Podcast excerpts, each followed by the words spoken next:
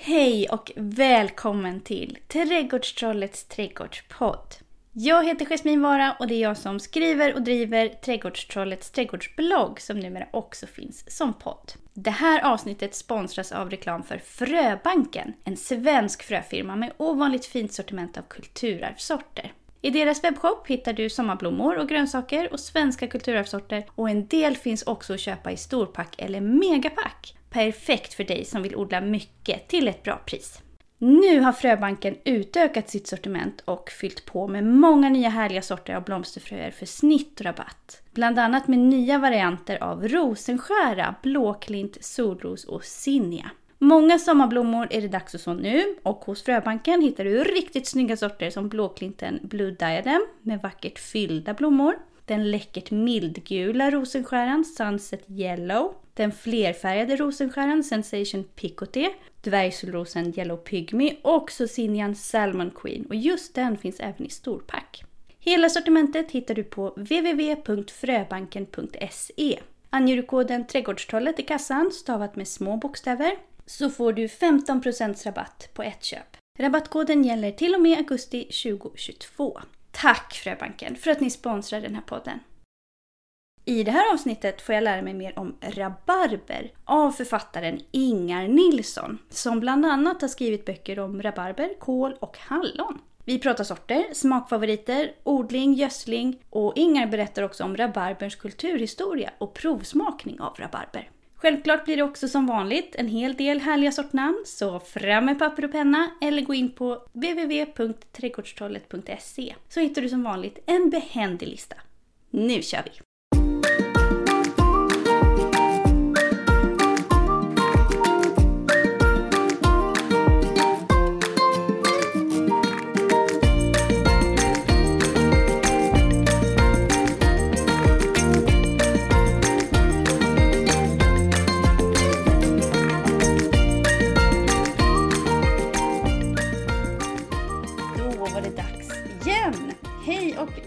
Välkommen till podden!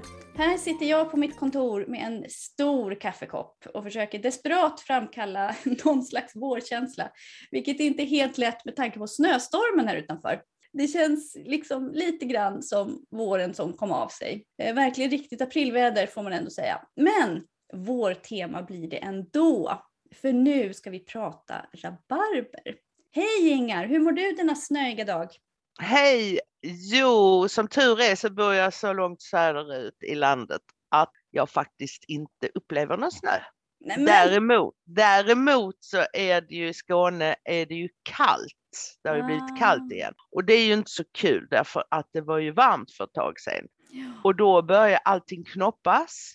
Så Mm. vi har ju magnolier med stora knoppar som nu liksom, ja, vi, vi håller tummarna för att de inte helt fryser Oh. ihjäl. Vilken Mm. rysare. Var bor du i Skåne? Vilken växtzon har du där?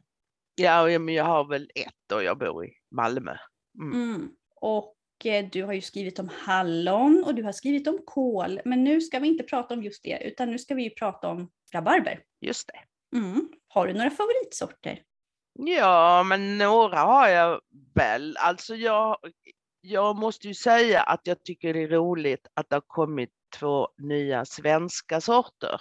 Mm. En som heter Barbro och en som heter Berit. De kom för några år sedan. Så det är väl någonting som jag tycker att man ska titta efter om man är på min handelsträdgård eller så. Och sen så finns det ju rabarber som har väldigt vacker färg. Det har ju Barbro och Berit också, men det finns ju andra och som dessutom har en god smak.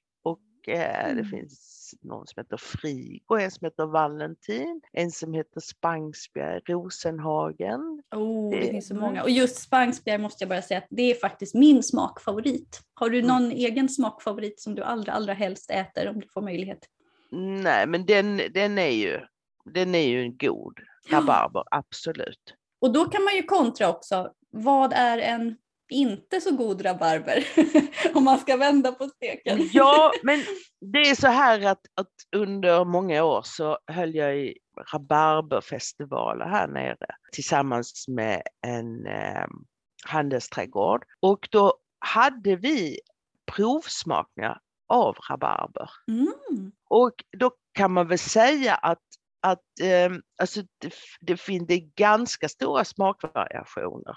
Och då är det väl så att vi tyckte om de som var kanske lite rundare i smaken Mm. och som inte hade så sticksig syra. Mm. Eh, ja, men, men som sagt, alltså, man kan tro att en rabarber är en rabarber, men det är inte så enkelt, utan de kan både se lite olika ut och smaka ganska olika.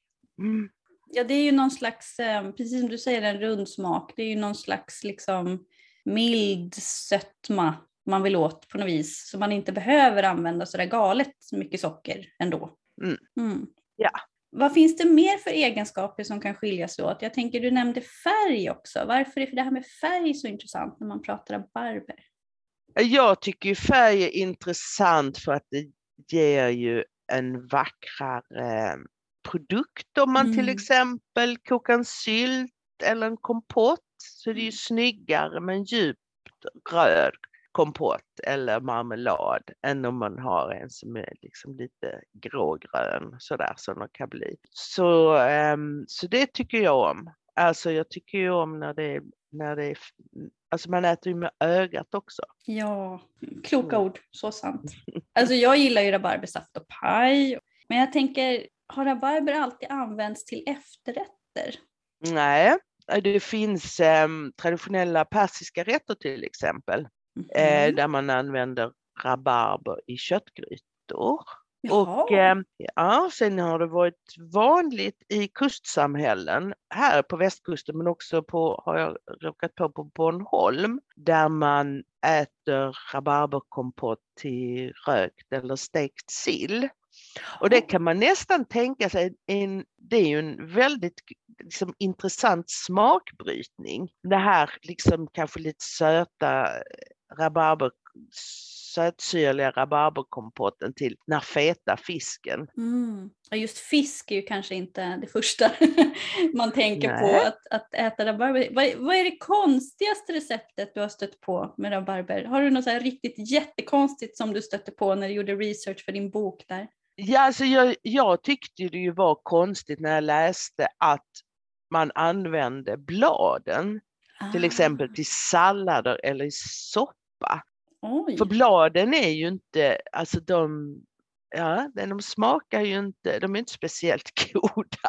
Nej, de men är jag- nästan giftiga. Alltså. Ja, inte- ja, men då får man ju, alltså klart att det mesta av den här oxalsyran då som gör att, att eh, rabarbern har lite sån här sticksig syra ibland. Att den sitter ju i bladen men man, man eh, måste ju äta i alla fall en fem kilo innan, innan, man, innan det är riktigt farligt. Mm. Men jag tänker också så här att eh, innan så åt man ju, hade man ju inte eh, importerat på våren så antagligen så åt man allt som stack upp på jorden för att Ja men det, jag tror det. Alltså Mm. jag tror verkligen att det här är ett utslag av att dels att man kanske ville testa men också att det var någon, någon kanske det bl- bland de få saker som, som kom upp på Mm. våren. Man tog vad man hade helt enkelt. Ja, Man tog det som ja. fanns. Mm. Absolut. Mm. Jag tänker på det här med egenskaper igen. Vi har pratat om färg. Mm. Eh, Jag kan tänka mig att förr så var ju också egenskaper som produktivitet väldigt viktigt. Precis som du Mm. säger, man åt allting. more is more, man vill ha mycket rabarber. Vad finns det mer för egenskaper man brukar prata om med rabarber? Kyla eller något annat? Ja, kyl, alltså för att rabarbern, rabarbern ska trivas så Mm. behövs det ju kyla. Att den växer ju inte så långt söderut men däremot Mm. så växer den ju på Grönland. Oj, så pass! Mm, det är en av de få saker faktiskt som växer på Grönland. Så är det rabarber. Men kära någon, nej, för jag Mm. funderade lite på det här med om det fanns några extra tåliga sorter som tålde mycket Ja, kyla. alla är, alla är tåliga. Det är en arktisk växt så den Mm. tål ju kyla. Men den tål inte värme. Nej. Alltså, nej. Men, men annars är det ju så att, att just det som du säger att när man har- då förädlat rabarber så har man ju och velat använda den i kommersiell odling. Då har man ju tittat på egenskaper som att den ska vara, alltså att den ska växa med upprättstående skälkar, ska vara lätt att eh, att plocka eller skörda då. Mm. Och att den inte ska få för många blommor. Ah, För blommorna gör att eh, alltså den, tar kraft från roten. ja, ja. Och, eh, så det ska man tänka på. Att även om blommorna är ju ganska vackra ibland så eh, ska man ta bort dem. Man kan ju sätta dem i en vas inomhus istället. Men eh, mm, Mm. Nej, för jag, när jag funderade på det här med kyla så började jag titta på det här med hetta och då såg jag bara en sort som, som faktiskt tydligen ska tåla lite mer värme och det är ju Carwood Delight tydligen. mm, ja. Så det var ju lite, ja. Lite Mm. otippat. Sen tänker jag också på mer sådana här udda sorter som sticker ut. Känner du till Liljebarber? Nej, är det en är liten? alltså en, en liten fjuttis. Mm, Det är som en liten miniatyrrabarber. Ehm, Jag tror inte den är särskilt härdig, så det är inget som lyssnarna behöver satsa på på friland direkt. Men den ser alltså nästan ut som en liten mini-mini ytterpytte, nästan mer som en krydda. Mhm. Men, den, men ja, vad, är, vad, är, vitsen med den? Undrar Ja. man ju. Är den liksom som en bonsai eller? Ja, alltså det kan man ju fråga sig då, men alltså jag anar, det är väl förmodligen om jag minns rätt något tyskt företag eller nederländskt, jag tror det var ett tyskt företag som har tagit fram den och Mm. de har ju specialiserat sig på sorter för kruka, sånt där som man ska kunna odla på Mm. en liten yta, till exempel Ja. en balkong. Så jag anar Ja. att det är därför. Eh, Men det finns ju andra sorter som också sticker ut, den här Apple Delight till exempel, som man tydligen ska kunna skörda på hösten. Mm, Eh, Och det är ju inte heller jättevanligt. Men om man nu är en vanlig glad hobbyodlare som vill ha liksom två bra sorter som kompletterar varandra till sin vanliga villaträdgård. Vad ska man Mm. satsa på då? För de två absolut allra superduper vanligaste sorterna är ju Victoria mm. och Elmblitz. Mm. Men och Victoria tycker alltså den har alltid i vår, provs, vår provsmakningsevent eh, event så, så har den alltid fått lågt betyg. Intressant! Ja, så jag tycker ju att vi har ju utsett då Spangsbjerg som en favorit. Mm. kan man väl eh, försöka få tag i. Och så tycker jag faktiskt att man kan satsa på en Barbro. Därför Barbro är en tidig sort. Så då Ah, kan man, då kan man få en längre rabarbersäsong.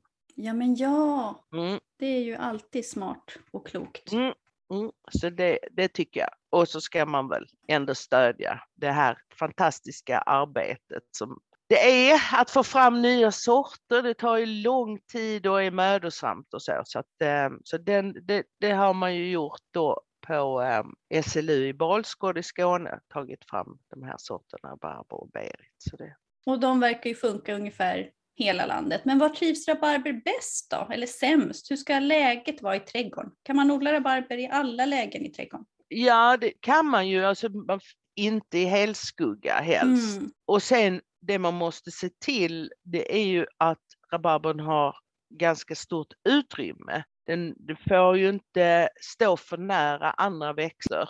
Den ska ha plats, den ska ha minst 60 centimeter Mm. till en annan växt och så ska det vara ogräsfritt och väldränerat. Den får Mm. inte bli sur om fötterna eller Mm. om roten. Så annars är det väl, annars är det ju, alltså det finns ju de som har rabarber i väldigt soliga lägen och de som har det liksom lite vid husknuten sådär. Men jag tror faktiskt att det viktigaste är ändå att det, att det är väldränerat Mm. faktiskt. Ja, och när den väl har etablerat sig då brukar de ju växa på rätt duktigt. Men precis i början där är det verkligen jätteviktigt. Är de hungriga då? Vad ska de ha för gödsel?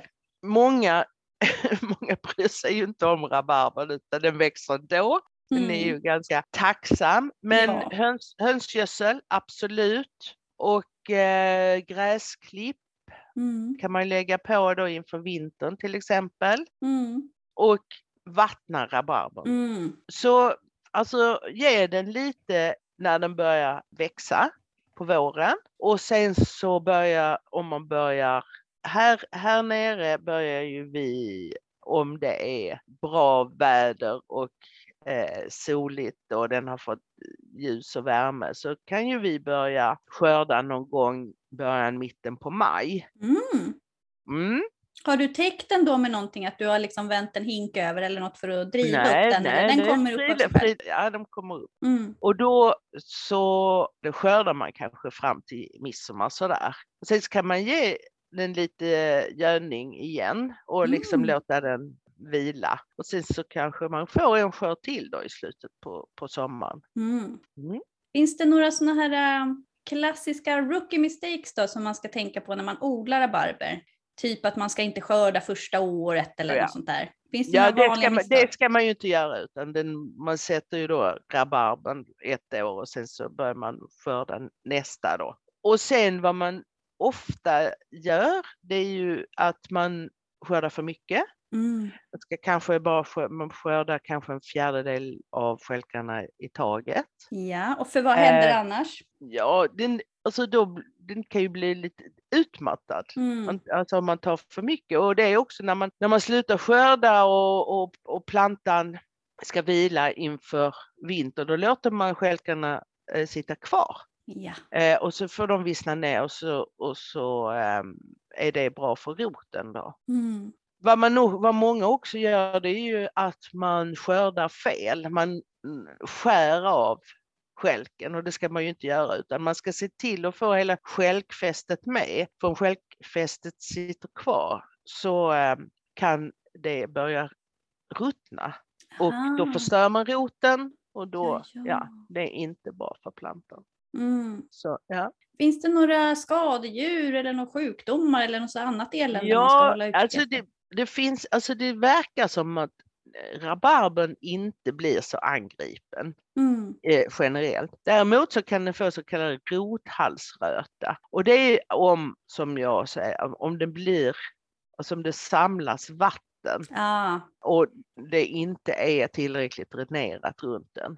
Då ser man på det nästan att den inte mår bra. Den stannar i växten, den slokar med stjälkarna, den blir liksom lite röd och tråkig på bladen och sådär. Mm. Så att det är nog liksom det, det den kan råka ut för.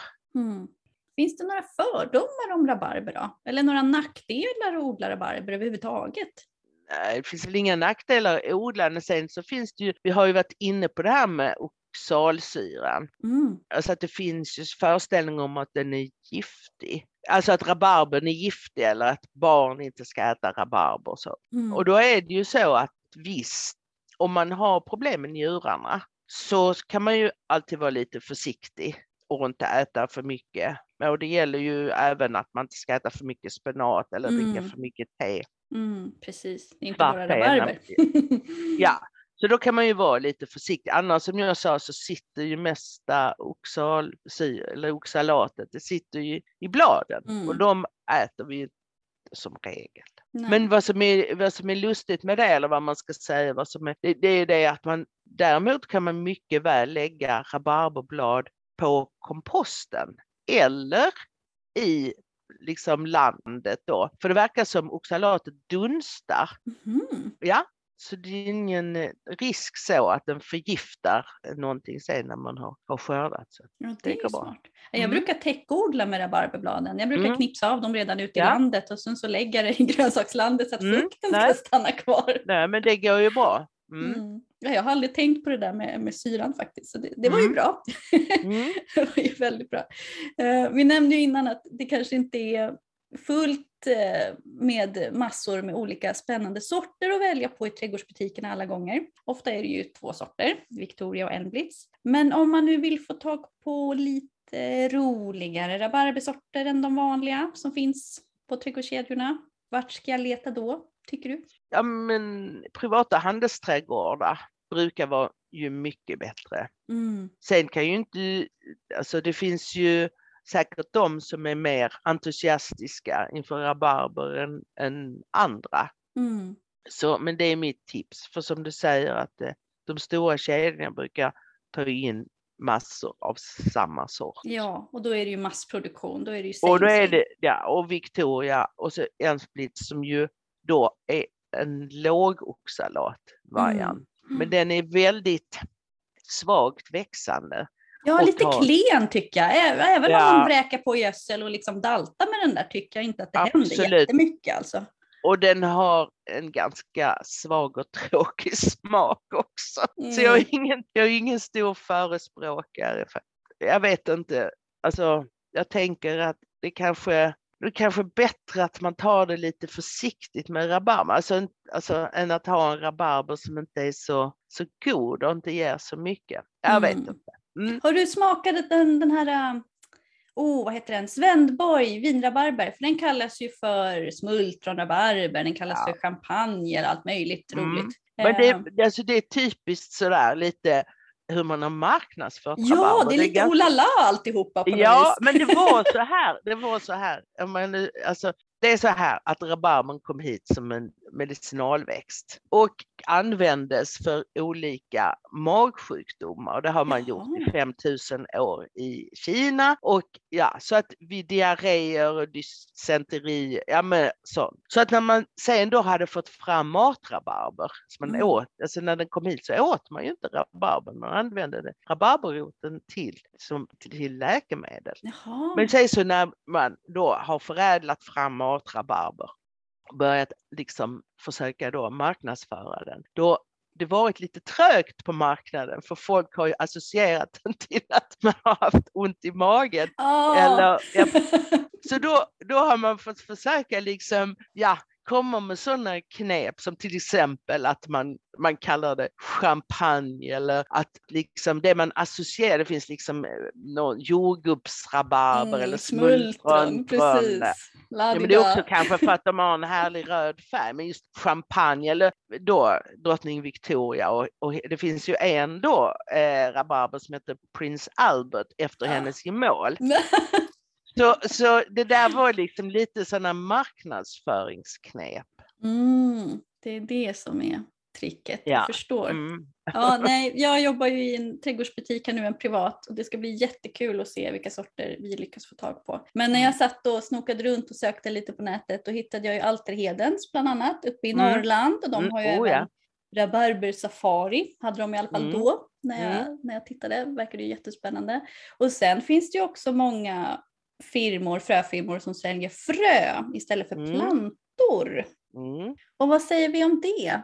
Ja, då säger jag så här att eh, rabarbern är ju inte sortäkta i sig. Alltså den är, det är som äpple, vet, man sätter en kärna från ett äpple så kan det ju bli en annan sort. Ja, precis. För den har två föräldrar. Mm. Mm. Och det är likadant med rabarbern. Mm. Så att dessutom tar det ju då längre tid. Ja, får man vänta ännu längre? ja, och då, ja, så att jag förespråkar, alltså man vill ha en garanterat den som, som ja, man nu vill ha då. Mm. Att man också får den.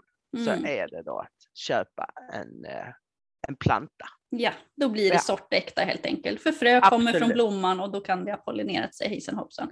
Och det ja. fina med att köpa en sortäkta, det är många som frågar om det ibland och då brukar jag säga att det är då man vet, då får man förutsägbara egenskaper, då vet man mm. vad man får. Mm. Eh, om det. det inte är så viktigt då kan man ju såklart ta frö av sin egen rabarber om man bara tycker det är kul att odla och liksom mm. se vad som händer. Absolut. Mm. Det, det, är ju inte svårare än så. Men hur länge får man vänta då, då innan man ska skörda om man nu jag, har, jag har faktiskt inte ingen idé. Jag kan, bara, jag kan bara gissa, för jag har aldrig ja. gjort det själv, men jag kan tänka mig fem, sex år om det ska bli ja, något. Alltså. Eller ja, kanske ännu mer. Jo, men alltså det var ju så här att när man började odla rabarber, när man fick hit frön, eh, alltså vi har, rabarbern har inte funnits speciellt länge här, eh, om man tänker på andra växter, men i alla fall, den kom ju hit någon gång på 1760-talet. Mm, ja, det är ganska sent. Ja, och när man började då odla för att få alltså för att få fram rabarb, rabarberrot då, som man använde som medicin. För att få fram då odlade man ju så i alla fall då höll man väl på i tio år innan man, man tog upp de där rötterna. Mm. Um, det är ganska mm. länge. Det är väldigt länge. Mm. mm. Men om jag vill kunna äta rabarber under så lång tid som möjligt, då? går de att lagra på något sätt? Kan man lagra rabarber? Kan man torka? Vad kan man göra? Pickla? Jag vet inte. Torka tror inte jag, men vi alla har ju en frysbox. Så mm. det är ju mm. bara att skära dem i bitar och stoppa i frysen mm. och sen ta upp när man, ja, när man vill laga någonting. Mm. Det, det, det funkar jättebra. Mm. Om jag vill ha kvantitet då.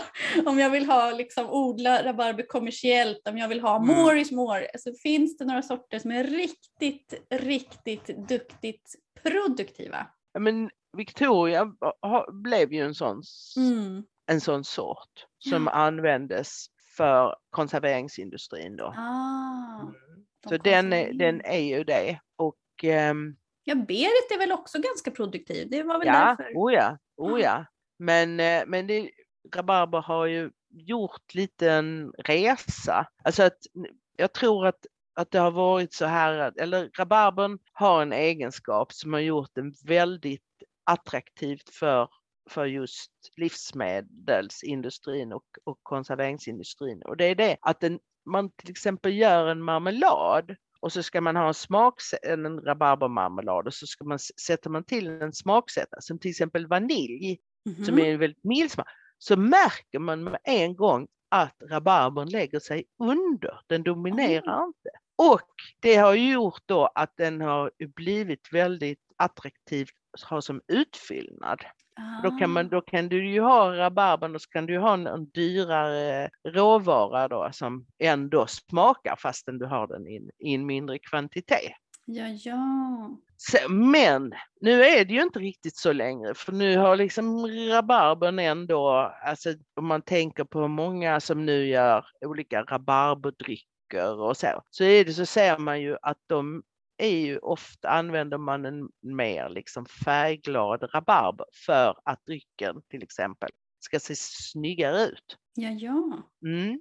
Så ehm, jag vet inte ens om det finns någon storskalig rabarberodling kvar i Sverige. Mm, nej, jag törs inte riktigt svara på det Nej, heller. Jag vet att det nej. finns några sådana samodlingar men de är ju liksom ganska småskaliga om man jämför med det här brittiska, det här liksom superdunder. de Mm. odlade väl till och med rabarber inomhus. De hade väl till och med stora hallar. Det, det var ju lite så jag blev intresserad av rabarber. Och det visste jag inte. Det var så att jag bodde i Skottland under några år Mm. och eh, frilansade därifrån. Eh, skrev mycket om mat och, och så. Och då så såg jag i en tidning, och det här var i början på året, att det skulle vara en rabarberfestival i Yorkshire. Ja, en stad som heter Wakefield. Och det skulle vara redan i februari och jag tyckte det där lät ju intressant och lite konstigt. Och väldigt tidigt tänker jag spontant. Och väldigt, Februari! precis, precis. Och, ehm, men jag lyckades eh, sälja in eh, ett reportage till Svenska Dagbladet och så begav jag mig till Yorkshire och då så upptäckte jag att där finns, alltså traditionellt sen, ja, sen 1800-talet faktiskt ett stort rabarberodlingsområde Mhm. som, eh, som faktiskt heter The Rhubarb Triangle. Det, det är ett triangelformat område mellan Leeds, Wakefield och Bradford.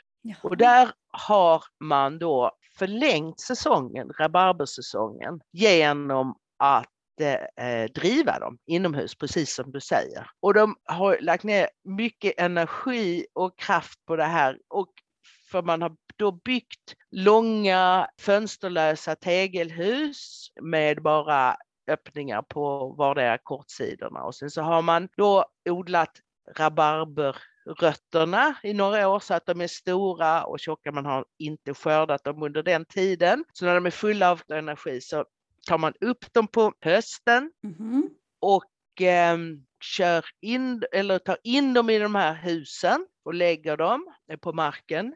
Och sen så börjar man värma husen. Jaha.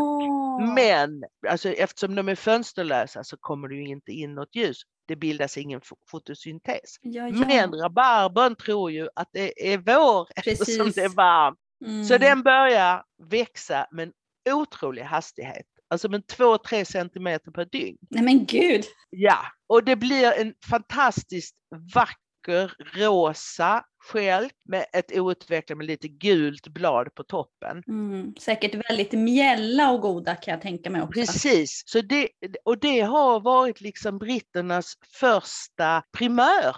Mm. Så den kommer där någon gång januari, februari liksom. Ja. Och och, eh, och det blev en succé redan liksom när den kom och, och fortfarande så, så är det ju eh, då forced rhubarb Ja. liksom i tidningarna vid den tiden. ja. Nej gud, jag tänker bara på vad... eh, Jag undrar, vad, vad, vet du det vad det kostade att köpa rabarber, framdriven rabarber? Var den jättedyr eller var det liksom normalpris? Ja men det var ju ett sätt för dem att tjäna mer pengar och det Ja. är klart att den var en primör så kostade den ju mer. Mm. Men för dem betydde ju det ju mera att de kunde, vad heter det, de kunde förlänga säsongen så då liksom över, för sen så börjar ju frilansodlingen. Sen Ja. hade de ju sin frilansrabarber. Men alltså det var också så att de under krigsåren Ja. när ingenting kom in utifrån, alltså när det gällde mat, utan då man fick äta det, det som kunde odlas i landet, då steg ju priserna Mm. jättemycket. Ja. Men, och, och, och eh, de fick bra betalt, men det där tog ju slut eh, när andra världskriget var slut och alla exotiska frukter kom och Mm. människor ville äta bananer och apelsiner. Liksom. Ja, då, ja, ja. Mm, såklart. Så att det här, alltså från att ha varit en 200 odlare i det här distriktet så är de kanske ett tiotal kvar idag. Oj, så lite. De håller, ja. Så, och, det, de, har, och den här, de har det inte så lätt heller. För som jag sa innan så tycker inte rabarbern om när det blir varmt. Mm. Och det är ju precis vad det har blivit. Klimatförändringarna. Vi har mm. klimatförändringar som gör att för att rabarbern ska må bra så behöver den frost. Så här i Skåne är det lite också ja, vanskligt kan man säga. Mm. Rabarbern behöver frost, det behöver kallt så att den somnar in och samlar kraft för att sen kunna skjuta. Och det får den inte längre i England. Inte va? Alltså, de, har, de har ju nästan inga frostperioder eller riktigt kalla perioder längre. Så, att de, de, eh, så kvaliteten på den drivna rabarbern blir inte så hög som den har varit. Så det är ett stort nej, det är bekymmer för dem faktiskt. Ja, det kanske blir så att man odlar rabarber i kylhallar i framtiden istället. Ja, men det får vi verkligen hoppas att vi, inte, att vi inte gör. Nej, men då får vi väl, jag menar här är, då, vi får väl köpa av eh, norrländska odlare. Ja, precis, det får väl bli ett Mm. någon slags Norrlandsmecka, rabarbertriangeln precis. i Norrland. Varför inte liksom? Sprang du på någon sån här extra rolig, eh, alltså fun fact brukar man ju prata om, dök du på någon extra rolig information som du liksom inte kände till innan när du gjorde research för din rabarberbok? Nej, men jag kände, det var ju ingenting jag kände till om rabarbern egentligen. Men, ehm, men just det här att, ehm, att, vi har, att den har betytt så mycket.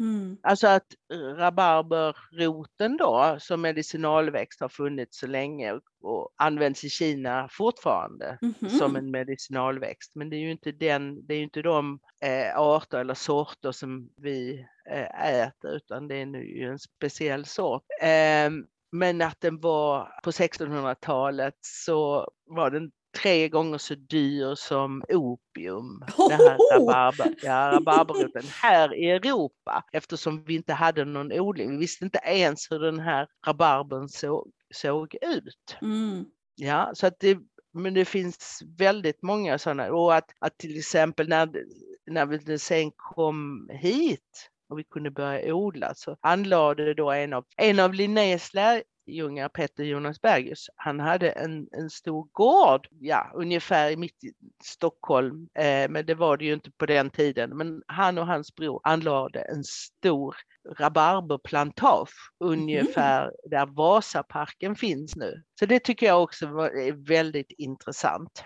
Mm. Och P.J. Bergius, då tänker jag på ett äpple eftersom jag har läst så mycket Mm. pomologi.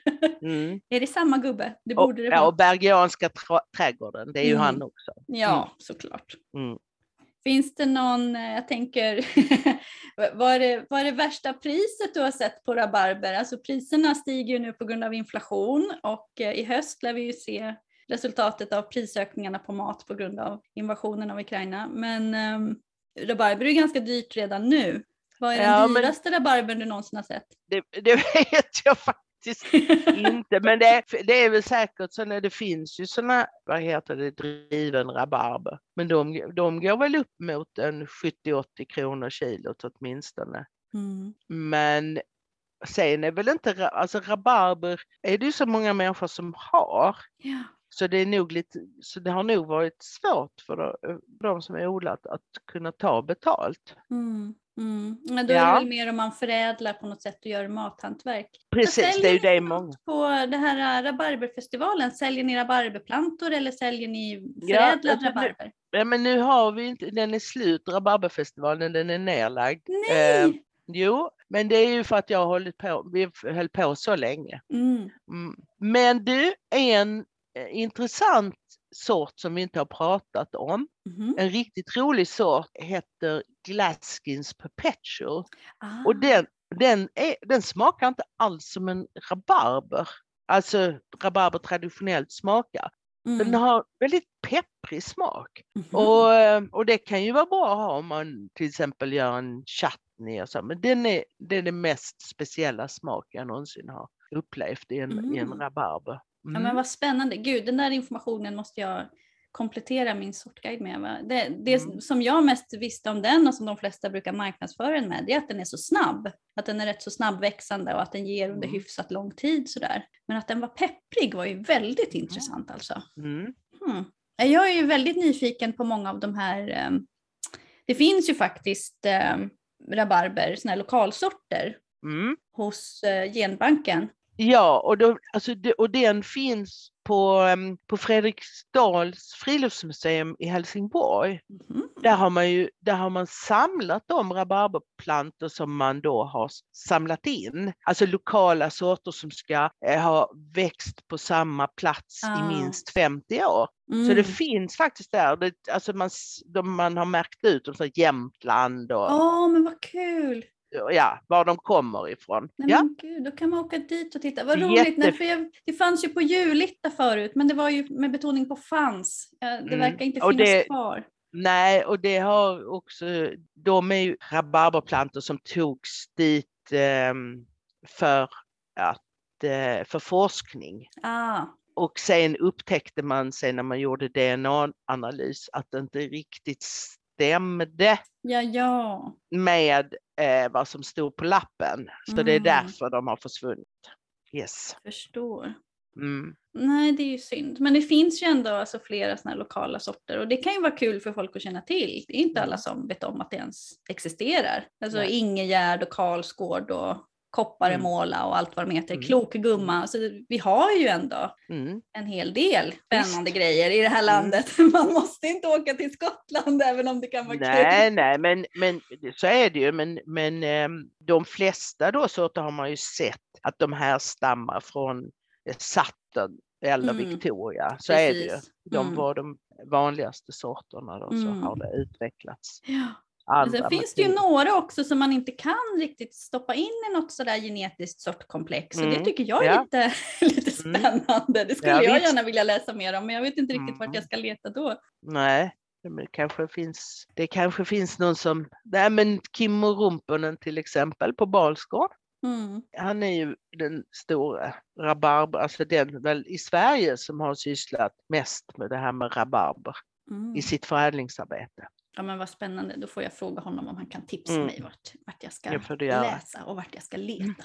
Mm. Nu har vi eh, pratat ganska länge om rabarber här så jag tänkte ta och avrunda lite grann. Men jag brukar alltid avsluta med samma fråga och det är, är det någon fråga som du tycker att jag har missat? Vad vill du prata mer om eller vad önskar du att trädgårdsmedia ville ta upp mer? Saknar du något särskilt i trädgårdsdebatten?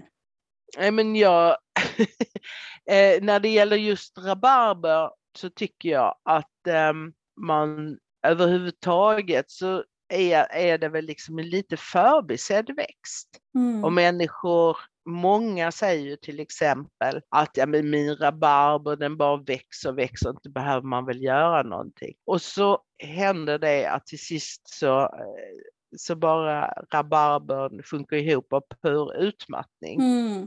Och sen så lägger man den på komposten och då picknar rabarbern till. Och då får den- finns. Då får den näring till roten. Så eh, på något vis, om jag, om jag skulle bara liksom påminna om det, att det, det är det, faktiskt roten som är det allra viktigaste på rabarbern.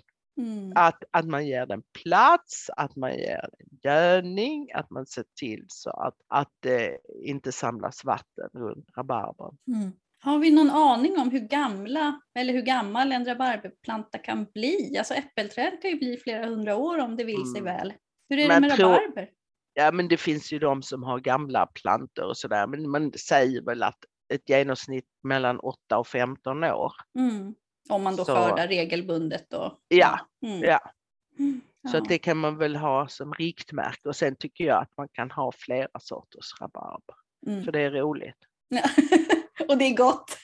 Ja. tycker jag.